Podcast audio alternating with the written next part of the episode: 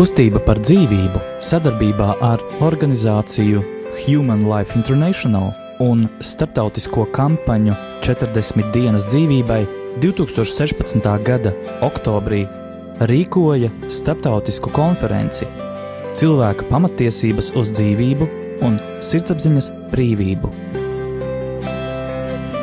Ierakstus no šīs konferences tagad ir iespējams dzirdēt arī Radio Marija Latvija ēterā.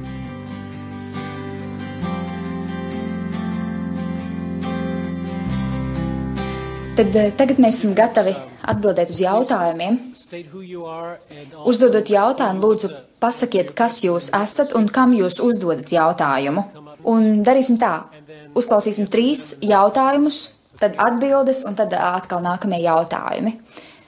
Man ir uh, no question. Man nav Mani sauc, uh, jautājumu. Aleksandrs Olievičs, esmu Latvijas, un es redzu, ka un sapratu, ka mūsu konference ir cilvēka uh, nosaukums - cilvēka pamatiesības uz dzīvību, tieši uz dzīvību. Un es esmu mūsu laika upuris, mūsu balta apartīda, balta rasizma upuris. Lieta ir tā, ka 16 gadus atpakaļ šeit Rīga fiziski bija iznīcināta kristīgu ģimene. Ļoti skaista kristīgu ģimene, mana un divu bērnu mātes ģimene. Es mēģināju tajā laikā uzaicināt Latvijas valsts, aicināt Sliepkavas uz tiesu, lai viņi paskaidroja savu darbu. No pirmās dienas man bija atteikums, un pēc astoņiem gadiem es, man bija sapratne, ka mūsu Latvija, diemžēl, nav tiesiska valsts. Un es devos pie Strasburgā, pateicībā Dievam, ka mūsu demokrātija tieši mums to ļauj. Startautiskā tiesa Strasburgā pieņēma manas, mm, tā kā man bija, jā, un bija piešķirta uh, krimināla lietas numurs un sākas krimināla procesa. Bet šodien varu aprakstīt um, Strasburgā starptautisku tiesu kā ļoti dziļi, dziļi um, um, ļoti vajatu, vajatu organizāciju vajatu Eiropas Savienības organizāciju. Un kad man bija sapratne, ka tur tikai strupceļš, pagājušā gada mm, 15. gada es uzrakstu Gāga tribunālu, ka nav esmu piekritis, ka var būt bērnu nogalināšana bez atbildību, bez tiesas un sodas. Jo bija Mēs zinām, 20. gadsimta tri, gā, mm, tribunāls, kurš uz visiem laikam atteicas, atteicas uh, noliegt un nu, piešķirt kādu laiku tādam noziegumam, kur bija bērnu nogalināšana. Atbildi man nav bijis, un es ceru, ka varbūt starp, starp mūsu starptautisko konference uh, man izdoties taisīt vaļa durvis uz tāda iestāde juridiska, vai, vai, nu, vai būtu mūsu demokrātijas tieši iespēja dzīvot atklāti viens ar otram. Kāds un, ir jūsu tieši jautājums? Jo jautājums ir tā, ka mm, varbūt, varbūt, jā, jā, par jautājumu varbūt tā, vai varbūt bērnu aizdemīga nogalināšana, kristīgu ģimenes iznīcināšana šeit ir bezatbildīga. Nu, it kā nav nekas nav bijis. Un jautājums tas var būt un kas uh, var rīkoties normāli cilvēks, kurš ne, nu, nepiekrīt, nepiekrīt un nevar dzīvot cilvēciski. 16 gadus cilvēkam nav dzīve. Un jautājums ir tā, tas var būt demokratiska uh, valstī, uh, un varbūt es ko nepareizi daru. Bet man ir trimda 16 gadus garumā, es dzīvoju savā dzimtenē trimdēm, tikai Republika un Kristīgu baznīca. Paldies par jautājumu. Vēl divus jautājumus lūdzu uzdodiet. Vai runāt? Ja? Jūs dzirdat mani? Es esmu ģimenes ārste no Rīgas un uh, ikdienas praksē sanāk saskarties ar uh, jautājumiem, kad sievietes nāk un prasa nosūtījumu uz abortu, uh, kas uh, saistīts ar risku viņai.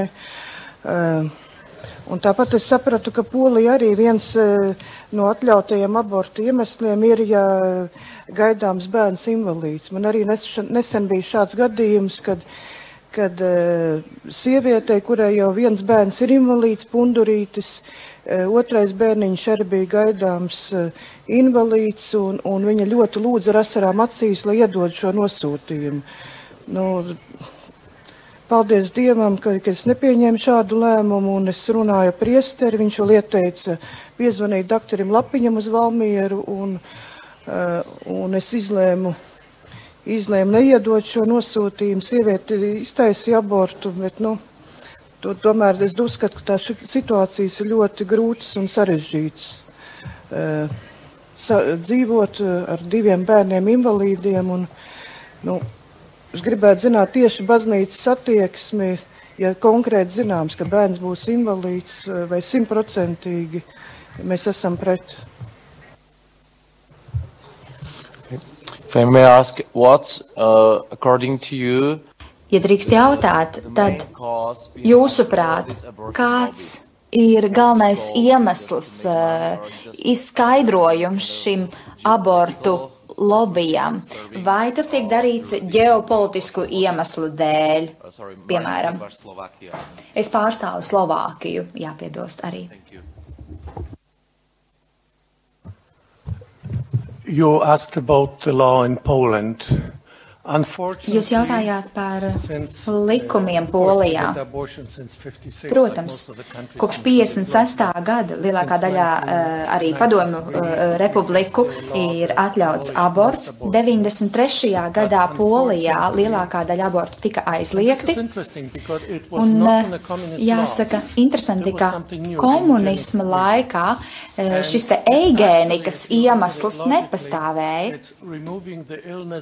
Un Šeit jūs redzat, ka ir mēģinājums atbrīvoties no slimības, atbrīvojoties no pacienta. Un no tiesas tā tas notiek. Bet tas netika domāts eh, tādā veidā. Runa bija par ļoti smagiem gadījumiem sākotnēji. Bet Polijā eh, mēs šobrīd nosakam un redzam, ka jo ilgāks ir laiks, jo biežāk izmanto šo pantu. Ir bērni, kas iespējams ir slimi, un ir gadījumi, kad vecāki nepiekrīt ārstam, un rezultātā bērniņš piedzimst pilnīgi vesels. Jūs nevarat būt simtprocentīgi droši, ka jums ir vispatiesākā informācija, bet, protams, dažās situācijās jūs varat būt droši, ka bērniņš ir slims. Bet no ticības viedokļa cilvē, Dievam ir savs plāns katram cilvēkam. Un mums ir virkne liecību arī no viena parlamenta deputāta, kurš parlamenta sēdē piecēlās un teica, klausieties, es audzinu bērnu, kuram ir Dauna sindroms, un ticiet man, tas nav grūti. Tās nav tikai raizes. Viņš ir Bērniņš ir iemācījis mūsu ģimenei tik daudz mīlestības un ir uzlabojis manas attiecības ar vīru. Meitene ir vērtīgākais, kas mums ir. Es zinu, ka viņa nedzīvos tikpat ilgi kā citi bērni un cilvēki. Bet viņa ir mūsu vērtība, un jūs gribat atļaut likumīgi nogalināt? Šos bērnus. Un to teica parlamenta deputāte, zinot, par ko viņa runā.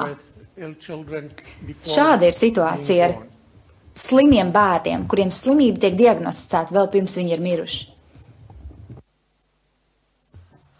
Nu, jebkurā gadījumā, ja mērķis ir nogalināt, vai tas slims vai vesels bērns, tas ir, tas ir pret piekto bausli. Bet uh, svarīgi ir, lai cilvēkam, sievietei, kura ir slims bērns, lai viņa nepaliek viena, lai viņai ir atbalsts. Un tad dzirdējām, ka Polijā grib budžetā naudu iekļaut tam, lai būtu šāds atbalsts. Tas ir ļoti labi, jo valsts atbalsta, bet arī baznīca, ja viņa grib pildīt mīlestības bausli, tad arī, arī baznīcas organizācijas var būt tādas, kuras atbalsta bērnu, bērnus ar īpašām vajadzībām ģimenes. With regards to the question about um, motivations, Runājot par motivācijas jautājumu, vai starptautiskais abortu, starptautiskās abortu tiesības vai likumdošana abortu jomā, tad runājot par uh, vēsturi dažādos laika posmos, uh, mēs varam novērot motivācijas izmaiņas. Sākotnējā kustība abortu legalizēšanas uh, virzienā nāca, parādījās komunistu režīmā, arī fašismu režīmā. Un uh, mērķis bija izjaukt kristietību un arī, mm, principā, ģimeni. E, Tika mēģināts arī egeniskā formā uh, atbrīvoties no nevēlamiem cilvēkiem. Ļoti interesanti, ka egeniskā motivācija uh, sniedza savu uh, devumu uh, iedzīvotāju grupu kontrolas virzībai. Tātad tika pieņemti lēmumi, teiksim, atbrīvoties no cilvēkiem, kam nav baltādas krāsas un tā tālāk. Vēlāk, 60. gados, radās spēcīga motivācija atbalstīt abortus no feministu viedokļa. Un pamatojums bija tāds, ka sievietes būs līdzvērtīgas vīriešiem tikai tad, ja viņām būs iespēja izvēlēties abortu. Viņas uzskatīja, ka ja nav viņām tiesības uz abortu, tad viņas nebūs vienādā vērtības līmenī ar vīrietiem. Tā principā kļuva par dogmu. Vēl viena lieta bija tāda, ka attīstījās globālais vides, virzība vidas jomā. Un tad pastāvēja uzskats, ka ir jāatbaro, jāatbrīvojas no cilvēciskām būtnēm, lai planēta būtu vesela. Un tas bija tā nepareizs domāšanas auglis, principā, ka planēta var dzīvot tikai tad, ja mēs atbrīvosimies no zināmām cilvēku grupām. Zinām, uz, Zināms, domāšanas kļūdas pastāv vēl joprojām dažādās valstīs, jo īpaši tajās, kur ir komunisti ietekme - Ķīna, Koreja, Kuba, tur ir diezgan drūmas situācija. Taču ir arī valstis, kurās dom, vadošo motivāciju veido feminisms. Tātad situācijas var būt daudzējādas. ASV pirms pāris gadiem tika nākts klajā ar Kissingeru ziņojumu, un tajā tika teikts, ka iedzīvotāju kontroli ir veids, kā kontrolēt, kā, kā strādāt ar pieejamiem dabas resursiem, kā, kā kontrolēt šo resursu patēriņu. Tātad pastāv dažādi motivācijas veidotā, veidojošie faktori. Divas nozīmīgākās motivācijas pieejas ir radikālais feminisms un radikālais environmentālisms, jeb respektīvi radikālā zaļā kustība. Ir biedējoši, ka ANO ļoti daudz cilvēku runā par cilvēkiem kā par piesārņojumu, apgalvojot, ka cilvēciskas būtnes ir problēmas tā vietā, uzskatīt, tā vietā, lai uzskatītu, ka cilvēki ir dārga dāvana. Protams, es vēlētos uh, norādīt arī uz šīs nozares ekonomisko aspektu.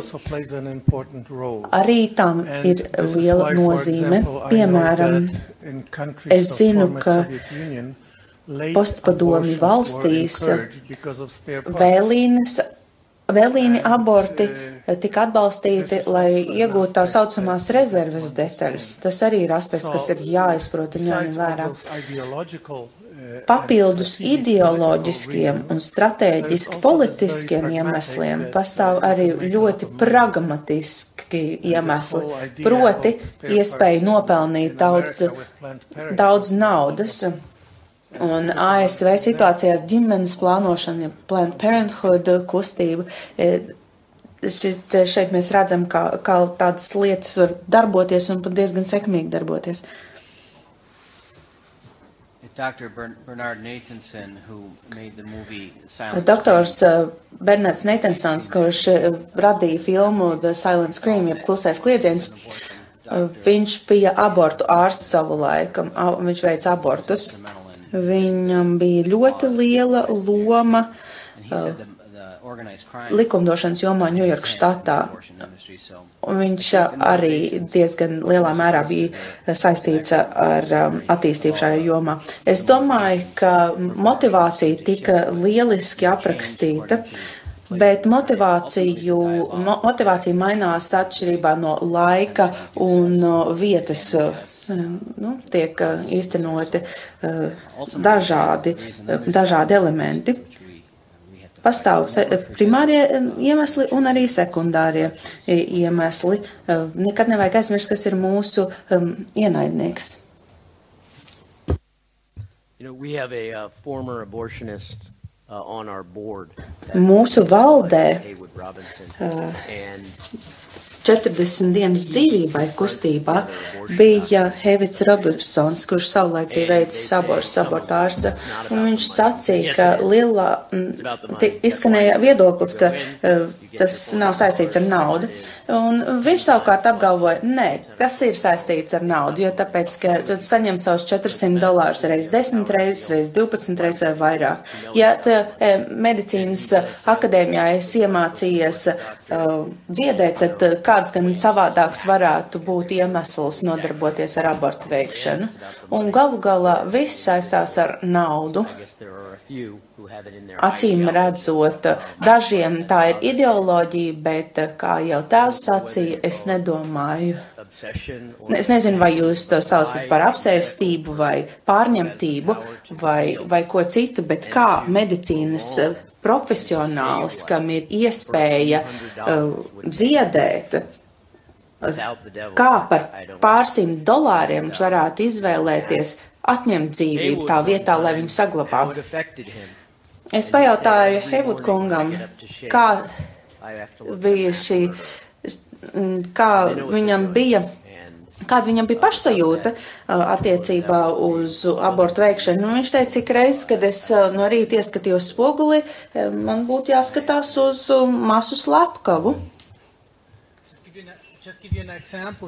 Es vēlos jums uh, sniegt kādu piemēru. Innsbrukā, Tirolē, ir kāds cilvēks, kurš veic abortus, un viņš, viņš izdara abortus katru dienu. Kādu dienu tika nolemts uh, nocirst kādu koku, un viņš savukārt pieķēdējās pie šī koka,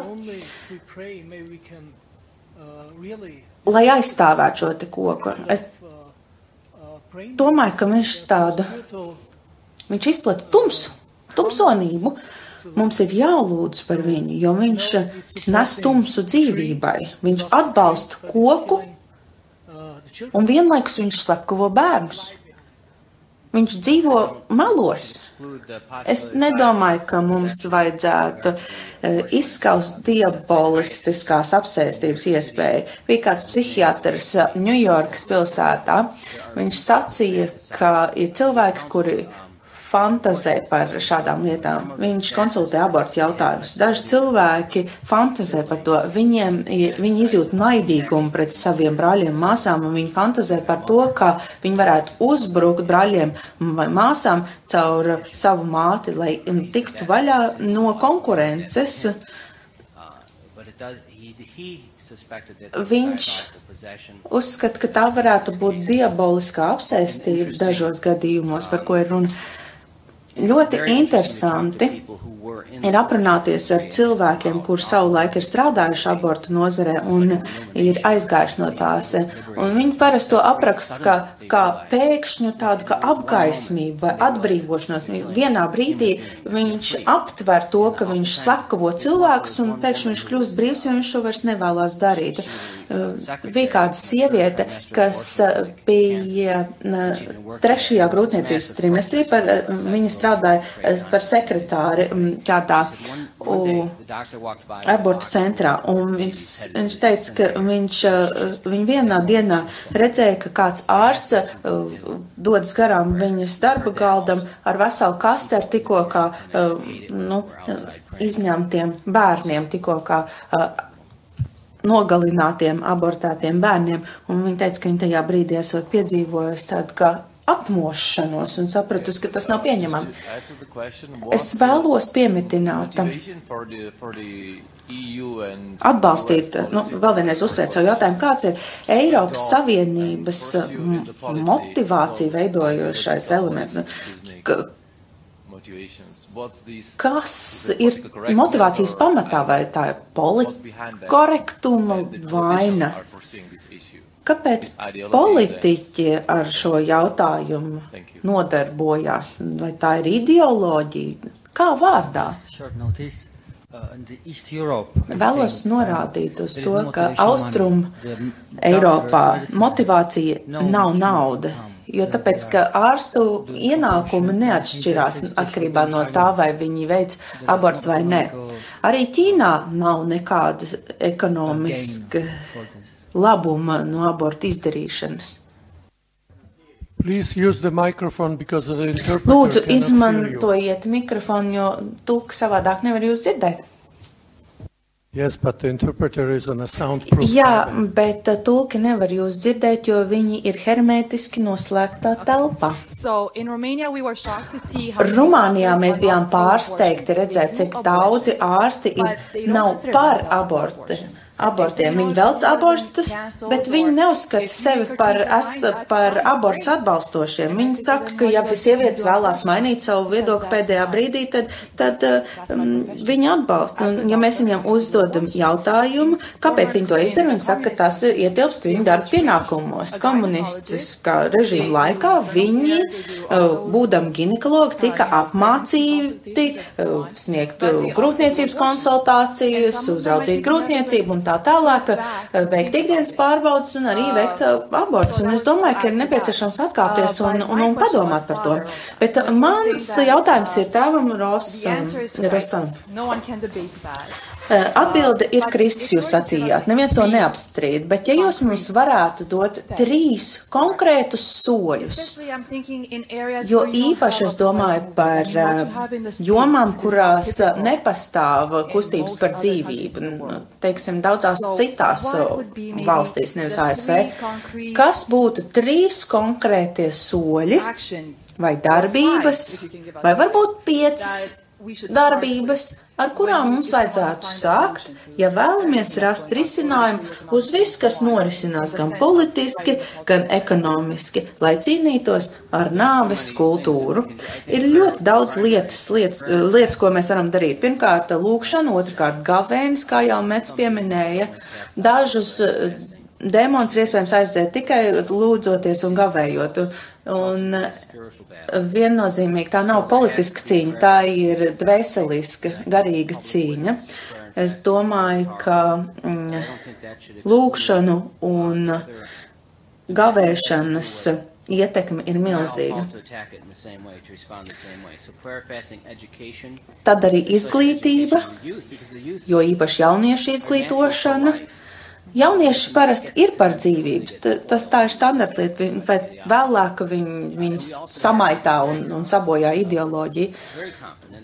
Mums ir jābūt arī pārliecinātiem par to, ka mēs piedāvājam kaut ko skaistu un labu. Mēs nepiedāvājam cilvēkiem kaut ko sliktu. Ja runājam par grūtniecībām, kas, eh, kas ietver uzupurēšanos, tad jāzina, ka tās ir garīgi vērtīgas. Šeit runa ir nevis par iedomību, tā ir pārliecība par taisnību, par patiesību. Ir politiķi, kuri cīnās par, šo, mm, par šiem svarīgiem jautājumiem, mums ir par viņiem jālūdzas, mums viņi, viņi ir jāatbalsta visos iespējamos veidos. Bet es domāju, ka tās ir trīs būtiskākās lietas - lūkšanās, gavēņi, uh, izglītošanās un politiska rīcība visos līmeņos. Nu, un nekrītiet slikto cilvēku nagos. Ir ļoti slikti cilvēki, ļoti slikti politiķi, daži no viņiem. Un ir, tad ir arī jā, jāatcerās, ka daži politiķi ir sākuši savu uh, politisko darbību būdam katoļi, bet tad viņi pārdod savu dvēseli un tad, tad, tad uh, viņi kļūst par politiskās partijas biedriem. Nu, šāds piemērs ir, teiksim, Tims Keins. Viņš bija praktizējošs katolis, bet tagad viņš ir nonācis diezgan lielās garīgās sprukās, jo viņš ir pārdevis savu dvēseli.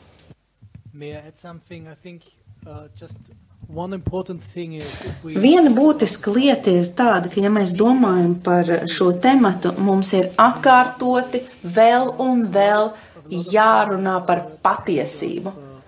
Daudzas ģimenes cieš, tiek ievainotas sievietes, tiek ievainoti vīrieši aborta uh, rezultātā.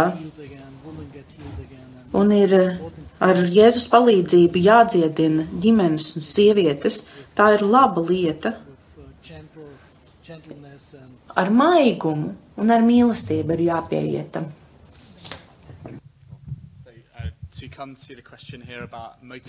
Runājot par motivāciju, es vēlos atgriezties atpakaļ pie, pie tā, ka dažādās pasaules daļās pastāv dažādi motivācija. Protams, ir arī finansiāla rakstura intereses, it īpaši ASV, kur aborti ir cieši saistīti ar naudu, jo tāpēc, ka lielā mērā tā, ir uzņēmēja darbība. Tas, ir, tas pats ir attiecināms arī uz uh, apvienoto karalisti, kur finanšu intereses ir saistītas ar abortu nodrošināšanu. Un um, abortu nodrošinātāji ir vienlaikus uh, arī uh, labdari. Et, uh, ir runa arī par, par likumdošanu, kas ieviesta 73. gadā, un to um, apvienotajā karalistē 60. gados tika dekriminalizēti aborti, to atļāva politiķi, jo tika uh, konstatēts, ka tiek ļoti daudz uh, nelegālo abortu, kas izraisa uh, nu, dažādas, dažādu nelabvēlīgus saku veidus no ilgtermiņa slimības. Un, uh, ir jāsaprot pareizi, kāds, kāds ir žēlsirdīguma mērķis. Runa ir ne tikai, protams, par finansēm. E, Eiropas Savienība arī nodrošina ģimenu plānošanai um, līdzekļus. Rietumu nācijas nodrošina abortus vai finansē abortus uh, citās valstīs, kurās tās principā ir pret likumu, jo īpaši uh, Āfrikā. Teiksim, Marijas Teips uh, organizācija uh, dodas uz citām valstīm un īsteno savas intereses. Mēs pieminējām garīguma dimensiju. Un būdami kustības par dzīvību um, dalībnieki, mēs varam ļoti daudz ko darīt, jo tāpēc, ka eh, pastāv mūsu rīcībai daudz dažādas dimensijas, mēs varam uh, uh, pie cilvēkiem doties gan pirms krīzes grūtniecības tās laikā un pēc tās mēs varam dalīties ar idejām, mēs varam padalīties ar pieredzi uh, attiecībā uz to, kā lietas norisinās citās valstīs, un es domāju, ka mēs varam gūt, uh, izmantot praksē citu gūto pieredzi. Um, Thank you, Joseph, for the freedom of conscience talk. That's very important. Paldies, of Tas mums ir ļoti svarīgi, ko jūs sakat Rumānijā. Ir virkne ārstu, kas atsakās veikt abortus, bet es zinu tikai vienu, kurš to ir paudis publiski. Pie mums vēršās arī farmaceiti un stāsta par savu pieredzi. Jūs runājāt par iebildumiem, un arī mēs tos esam pauduši. Jūs teicāt, ka būtu jābūt diezgan vienkārši pieņemt likumus, kas to regulē, respektīvi iebildums pēc sirdsapziņas, jo tas ir saistīts ar cilvēku tiesībām. Bet, ja mana reliģija man ļauj sevi nogalināt, paverdzināt, tad jūs patiesībā vienu cilvēktiesību noliekat pret citu. Jo mēs jau dzirdam arī, ka homoseksuālās tiesības ir cilvēktiesības un tam līdzīgi. Vai viena cilvēktiesība ir svarīgāka par citu? Nu, man, ir, man ir problēmas eh, šajā argumentā, kā aizstāvēt šādu veidā un runāt pretī šādam argumentam. Nu, patiesībā jau atbilde ir vienkārša. Eh, Otra cilvēka paverdzināšana nav cilvēktiesības. Reliģija kādreiz saka, ka te mēs neesam nedzīvojam patiesībā, jo mums ir jāsako dabiskajam likumam, kas mums visiem ir vienots. Un ļoti labi, ka jūs to at, aktualizējat.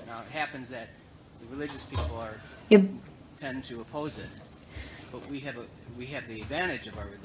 jo mums ir jāizmanto uh, savas uh, reliģijas pamatiesības, un te nav runa tikai par katoļiem.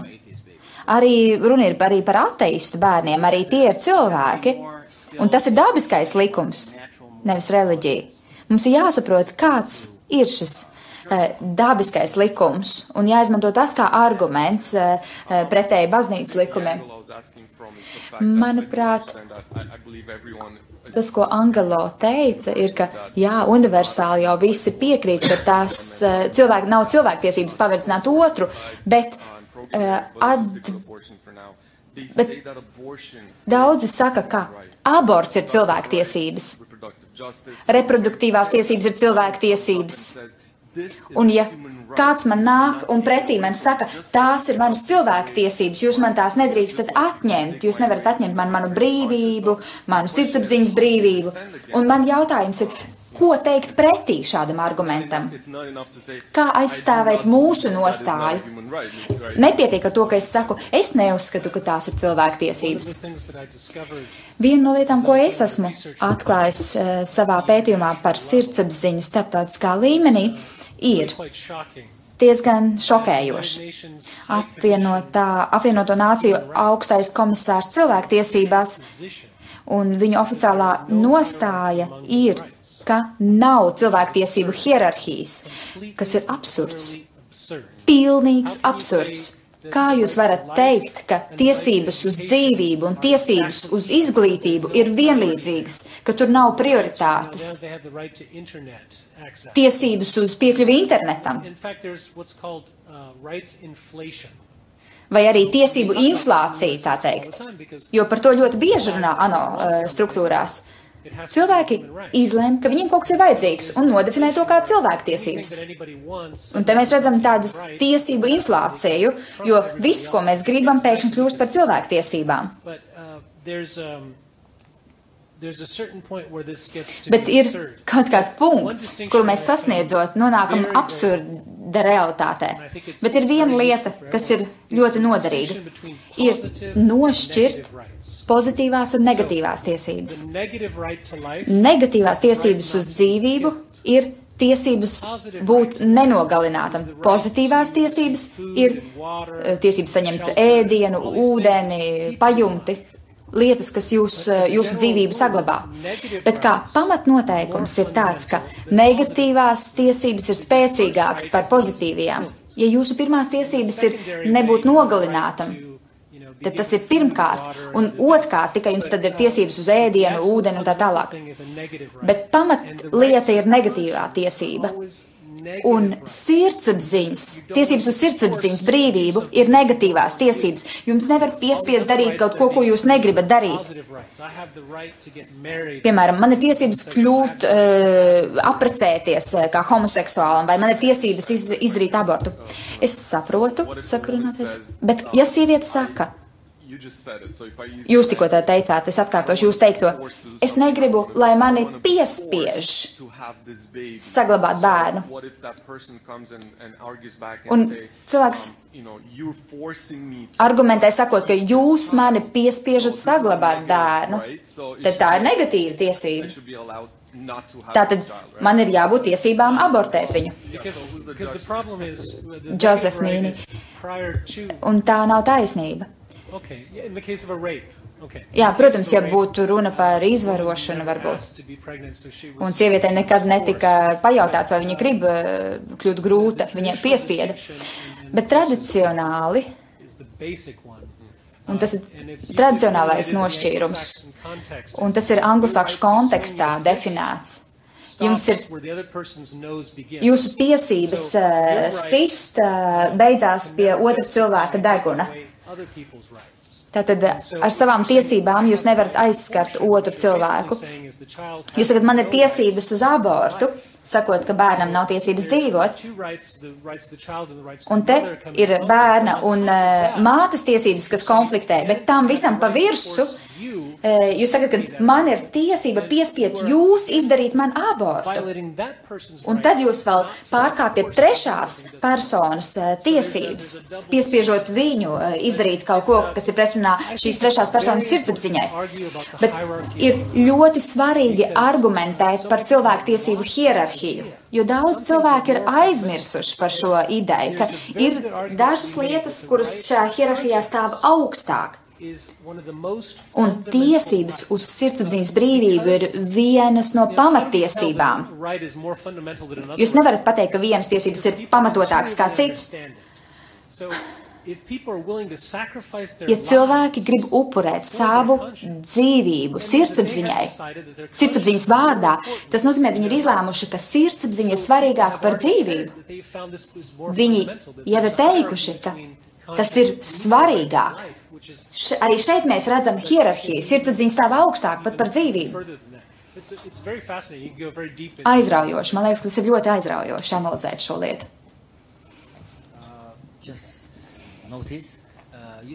Komentārs. Sev aiz muguras jūs redzat Čehijas ginekologa asociācijas mājaslapu, un te jūs redzat, ir mamma un bērniņš vadrā. Čehijas ginekologu asociācija, un viņa veids 20 tūkstošu abortu gadā. Pretīgs darbs, ko viņi veic. Bet patiesībā nav diskusija par to, kas tad tur īsti mammai vēdrā ir. Un man ir jautājums arī. Mums ir problēma. Viena liela problēma. Mēs nevaram atrast PR aģentūru, vai tā būtu vietēja vai startautiska, kas ar mums strādātu. Vai jums ir kādi avoti, ar kuru, kurus jūs varētu ieteikt, lai mums palīdzētu mūsu darbā? Nu, ar to es domāju labu reklāmas aģentūru. Jozefs tikko paskatījās uz mani, un es te pie sevis domāju. Amerikā es negribu tā kādu baigi ļoti reklamēt, bet es domāju, ka jūs sazināsieties ar mums eh, tieši, tad mēs eh, varēsim jums noteikti palīdzēt, eh, jo mums ir virkne daudz labu reklāmas aģentūru, jo ļoti svarīgi ir sadarboties ar pareizo aģentūru, lai idejā par savu kampaņu jūs esat vienoti. Jo es jau runāju par eh, šo te autobusu kampaņu, kas apmeklēs 50 štatus 40 dienās, un mēs eh, tiešām identificējām pareizo reklāmas aģentūru, kas eh, strādās ar mēdī, mēdījiem, un citu aģentūru, kas palīdzēs mums sagādāt autobusu eh, es saku, mēs, ka, mm, ka mēs noalgojām eh, šo aģentūru, bet patiesībā bieži vien viņi eh, to eh, dara brīvprātīgi, bez, eh, bez eh, naudas atlīdzības. Tāpēc ir ļoti svarīgi eh, atrast pāreizās reklāmas aģentūras, ar kurām sadarboties. Neatkarīgi no tā, vai viņas eh, darbojās starptautiski vai nē. Uh. Es nezinu, vai tas, kas darbojas Amerikā, darbosies arī Čehijā. Un viena lieta, uh, ko es aicinu jūs pārdomāt, ir kaut kas, uh, kas saucās due diligence, jeb rūpīga izpēte, padziļināta izpēte, pārliecināties, ka tā puse, ar ko jūs sadarbojaties, neizraksta čeku organizācijai Planned Parenthood, pārbaudiet savus sadarbības partnerus, jo iespējams, ka vienu dienu viņi palīdz jums Čehijā, un nākamā dienā viņi sadarbosies ar eh, organizācijām Planned Parenthood vai Mary Stopes. Pārliecinieties, ka jūs pazīstat savus partnerus. Man tas šķiet vēl svarīgāk nekā labākā produkta saņemšana. Es labāk izvēlos eh, labu, nevis izcilu produktu, bet no partnera, kas atbalsta dzīvību. Es tiešām pārbaudu katru sadarbības partneri. Rūpīgi pārbaudu, lai pārliecinātos, ka arī viņi atbalsta manas idejas. Jo daudzas eh, par dzīvību akcijas varbūt nav izdevušās tieši tāpēc, ka nepareizā aģentūra ir uh, ar viņiem sadarbojusies, kuras patiesībā, pā, patiesā pārliecība atbalsta abortus. ever again when the link was made. So I know that wasn't helpful because I couldn't give you a name, but if Protams, ka es nevarēju jums iedot konkrētu vārdu uzvārdu šobrīd, un tas uh, mans teiktais varbūt jums uh, nepalīdzēja, bet ja jūs ar mani sazināsieties tieši, es uh, jums, es varu padalīties ar jums, ar saviem partneriem. Un man ir daži partneri arī apvienotajā karalistē. Izskanēja ieraksts no starptautiskās konferences Cilvēka pamatiesības uz dzīvību un sirdsapziņas brīvību, kas notika 2016. gada oktobrī.